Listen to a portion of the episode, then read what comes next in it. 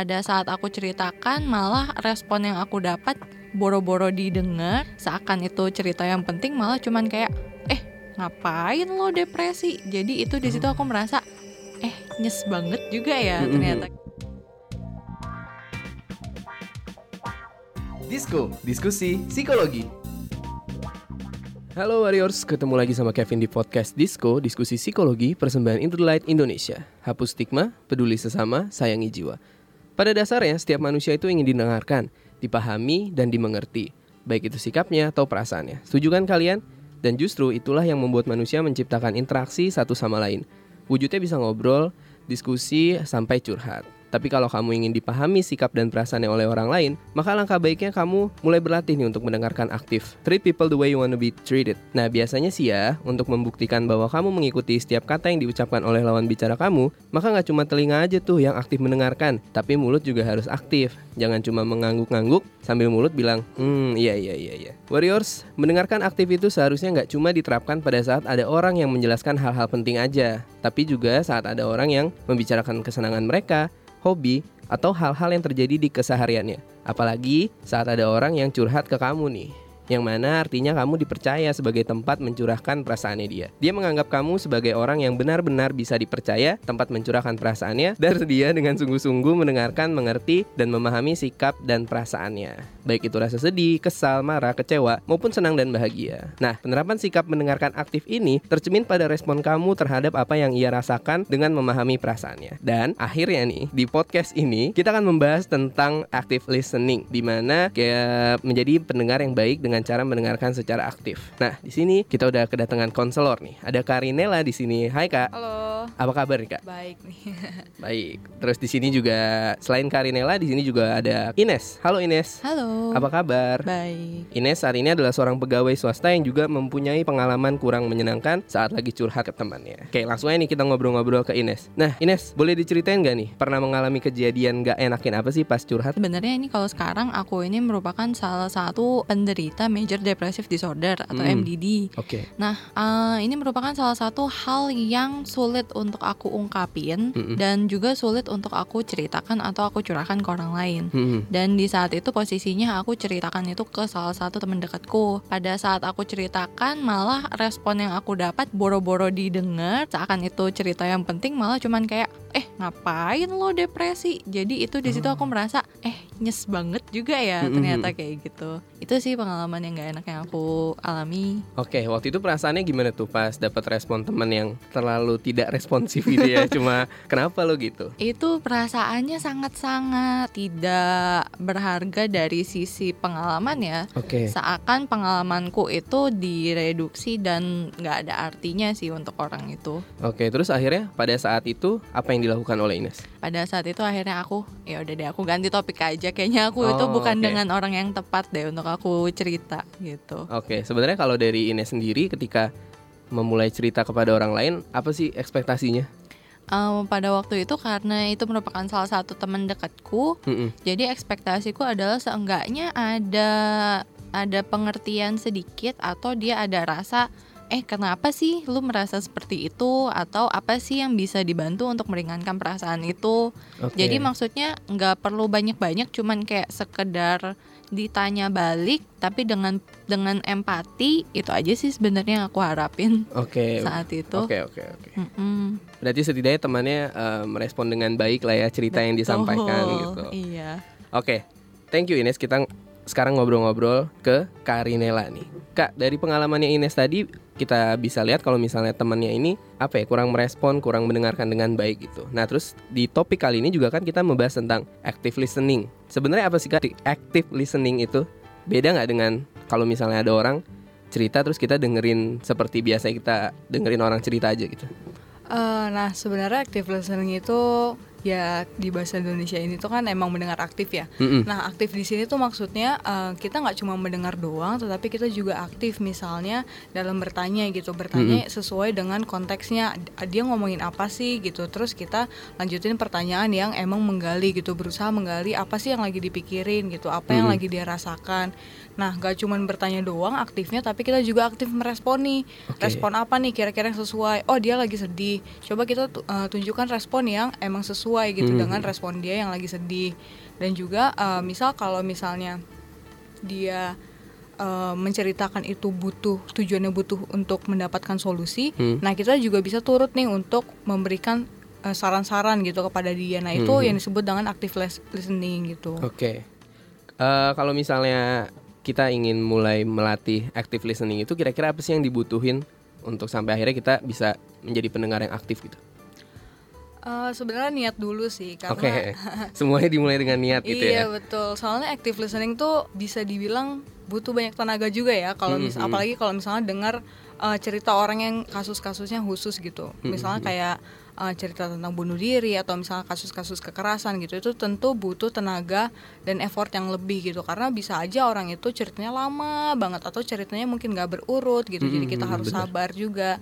Nah modal utama sih emang niat gitu, sabar. Terus emang uh, ngelatih empati juga gitu dan sangat uh, penting gitu untuk kita jujur juga dalam kita Mm-mm. mendengarkan karena biar bisa sejalan nih apa yang kita pikirkan dengan apa yang kita ucapkan apa yang kita responkan itu harus sejalan karena Oke. kalau enggak si uh, lawan bicara kita ini bisa bisa ngerasain loh kalau ini orang kok kayaknya responnya nggak jujur Hmm, ya nggak tulus benar. kayak Mhm. gitu gitu sih Oke, yang aku tahu di active listening itu kan ada empat komponen ya kalau nggak salah. Ada Iya. empathy, acceptance, terus apa lagi tuh kak?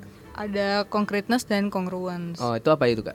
Nah, kalau empati itu tentang pembayangan kita nih. Kita sebagai pendengar ini membayangkan bagaimana si lawan bicara kita ini menghadapi situasi yang lagi dihadapi Hmm, gitu atau oke. bagaimana perasaan dia ketika menghadapi situasi tersebut Oke. gitu. Nah, terus kalau misalnya acceptance itu penerimaan sih gitu. Jadi kita sebagai pendengar ini harus bisa memberikan rasa si lawan bicara kita ini diterima dengan apa adanya. Misalnya ketika dia bilang, "Aduh, saya merasa depresi" gitu. Mm-mm. Nah, kita harus berusaha menyingkirkan segala judgement kita dulu kayak lu kenapa depresi sih kayak gitu-gitu. Iya, iya, iya. Nah, itu kita harus menyingkirkan segala judgement kita dulu untuk Hmm. eh, bisa memberikan rasa si lawan bicara ini diterima oleh kita gitu. Nah, yang ketiga ini ada congruence. Ini yang tadi aku bilang, kita ini harus bisa jujur gitu. Karena kan kita pasti setiap eh, manusia tuh punya judgement ya. Mungkin Mm-mm. kita nggak sebenarnya nggak ngerti-ngerti banget nih depresi kayak kok bisa sih dia depresi gitu. Tapi Mm-hmm. itu tidak harus langsung dikatakan gitu. Kita harus bisa menahan juga judgement kita. Tapi eh, kita harus jujur juga. Mungkin kalau misalnya kita memang tidak mengerti depresi, Hmm. lebih baik tanya "Eh, depresi itu apa sih sebenarnya? Apa yang kamu rasain ketika kamu bilang depresi gitu. Oke. Jadi itu akan terkesan lebih jujur dan tidak menjudge si lawan Hmm, bicara benar, benar. gitu. Yang satu lagi nih concreteness nih, misalnya dia minta solusi, kita bisa memberikan solusi yang lebih konkret gitu. Misalnya langkah-langkah praktisnya. Jadi ngomong juga nggak ambigu. Misalnya ngomong hanya dengan des- deskripsi ya gitu gitu. Oh, Gitu. oke oke oke. Nah, Yang biasanya kita sering kayak jelas gitu, iya, kurang jelas. Aha. Oke, kalau misalnya kita ingin tadi udah dijelasin kira-kira yang kita butuhkan apa. Terus sekarang kalau misalnya kita ingin mulai melatih diri kita mendengarkan secara aktif, ada semacam teknik kayak gitu nggak sih kak? Sebenarnya ada ya, apalagi kalau anak-anak psikologi ini pasti tahu banget karena Mm-mm. diajarin. Cuman ini bisa dipelajari juga kok oleh semua orang gitu karena Oke. ini eh, bisa cara-caranya tuh umum, teorinya tuh kelihatannya simple, cuman emang dipraktekinnya susah. Oke, Gitu. ada apa aja tuh kak? Eh, tekniknya tuh pertama kita bisa usahain gestur kita sih yang yang membuat kita nyaman dan juga si penceritanya ini juga nyaman gitu. Mm-mm. Usahakan tuh nggak, misalnya secara teknis nih, usahakan nggak hadap-hadapan banget gitu antara face to face. Biasanya duduknya enaknya tuh lebih menyamping. Oke. Heeh, terus kalau misalnya eh, badan agak condong ke depan, biasanya tuh cenderung mengisyaratkan bahwa si pendengar ini memang menyimak gitu, memang tertarik dengan apa yang diceritakan oleh si pencerita ini Oke. gitu. Nah kalau misalnya eh, yang kedua lanjutannya, misalkan si pencerita ini udah bercerita nih, Mm-mm. nah kita bisa melakukan namanya probing. Probing tuh artinya kita memberikan pertanyaan untuk menggali lebih dalam Iya, apa iya. nih yang diceritakan oleh lawan bicara kita. Nah itu juga kan bagian dari mendengarkan aktif gitu untuk memberi tanda bahwa oh iya kita menyimak juga nih omongan dia gitu. Kita pingin tahu lebih jauh Mm-mm. apa yang dipikirkan, apa yang dirasakan. Nah, terus udah gitu, selain probing, kita juga selanjutnya bisa melakukan memberi respon atau memberi refleksi gitu terhadap apa yang diceritakan. Misalnya Oke. uh, setelah dia bercerita kita bisa merespon oh jadi kamu merasa sedih karena apa gitu jadi itu Oh, untuk oke. Hmm. uh, memberikan konfirmasi lagi bahwa apa yang kita tangkap itu sudah benar gitu Hmm, hmm, hmm. gitu. Nah yang terakhir ini kita bisa merangkum ceritanya gitu. Jadi kan dia mungkin udah cerita panjang lebar. Hmm. Kita bisa ngerangkum. Oh jadi kamu merasa ini karena begini, Hmm. terus begini dan Oke. kamu maunya begini gitu. Oke. Nah itu jadi kita bisa ngerangkum dari ceritanya. Terus selain itu kalau misalnya memang ya itu eh, tujuan dari cerita untuk mencari solusi, kita bisa kasih solusi juga gitu. Oke. Dan mungkin bisa tanya sih eh, apa yang bisa saya bantu gitu. Hmm. Kalau misalnya ini kasusnya itu dia sedang menghadapi suatu masalah gitu ya, bukan cerita Oke. biasa gitu. Oke, eh, tadi Kak Rinelo udah sempet mention kadang kita kan bosen ya kalau misalnya dengerin orang cerita, apalagi dia masalahnya misal terlalu rumit gitu. Akhirnya dia ceritanya panjang terus nggak ngurut atau mungkin ceritanya ke mana-mana loncat-loncat. Nah sebagai pendengar yang aktif nih, gimana sih biar kita tetap mendengarkan yang bercerita ini dengan aktif tanpa ada rasa bosen? Gitu? Oke, awalnya kita dengerin dengan aktif nih, terus misalnya di tengah-tengah bosen terlalu panjang. Itu sebenarnya wajar atau enggak sih? Nah, bosen tuh wajar, tapi ya sebisa mungkin ditahan lah gitu dari ekspresi kita. Kita tetap harus bisa normal gitu mukanya. Oke. Mungkin kalau misalkan capek, kita bisa alihin dulu ke hal-hal yang terakhir dia omongkan gitu. Kita tetap merefleksikan gitu, ngambil dari apa yang terakhir dia omongkan, terus kemudian ya kita berusaha untuk nyimak lagi. Kalau Oke. misalnya kita udah kehilangan titik lagi, Hmm. kita bisa tanya balik, gimana maksudnya gitu.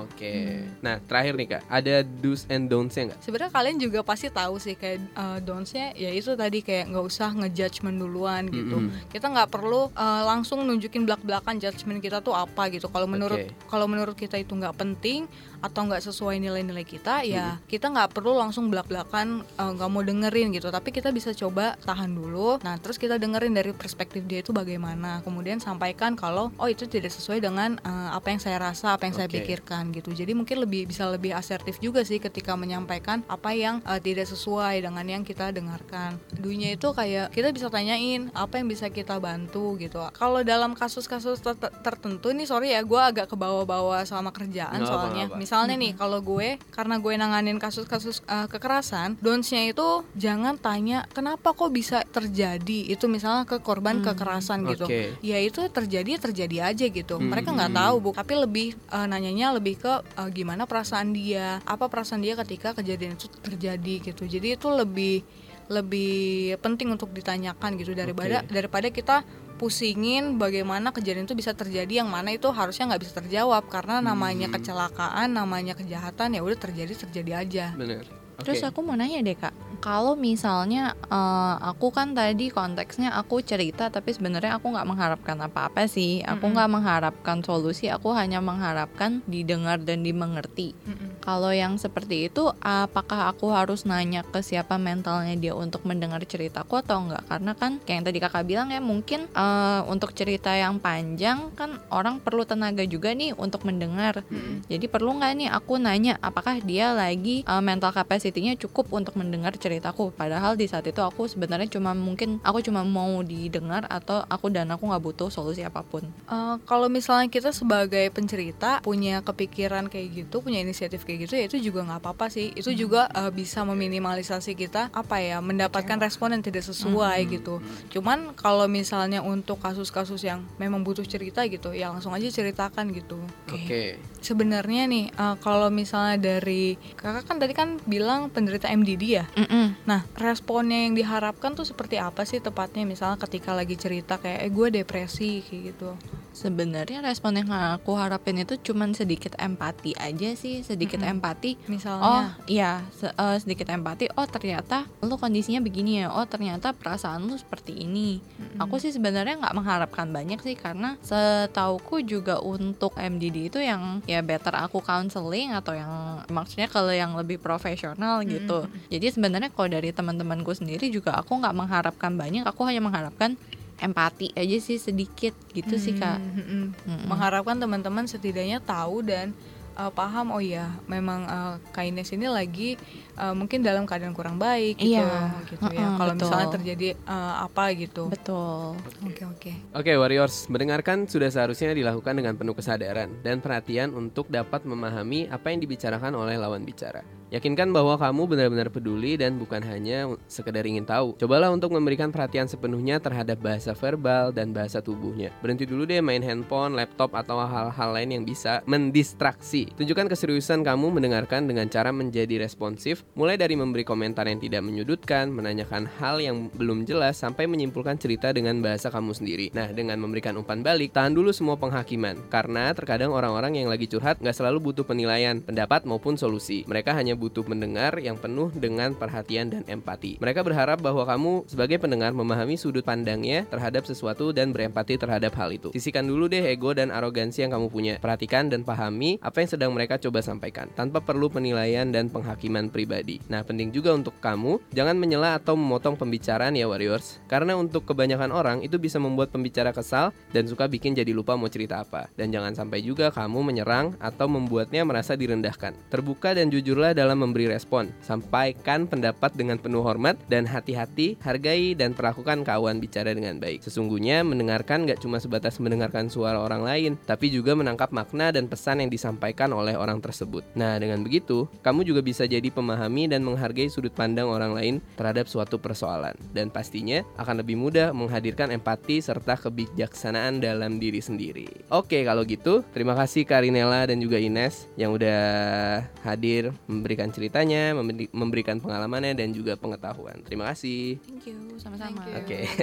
dan juga terima kasih untuk kalian-kalian semua yang sudah mendownload ataupun mendengarkan podcast ini. Semoga dengan mendengarkan podcast ini, kalian bisa membantu menghapuskan stigma di masyarakat, lebih peduli terhadap orang-orang di lingkungan sekitarmu, dan tentunya jangan lupa untuk selalu menyayangi jiwa kamu sendiri. Sampai ketemu lagi di podcast episode selanjutnya. Don't forget to be happy and live to the fullest. Bye-bye.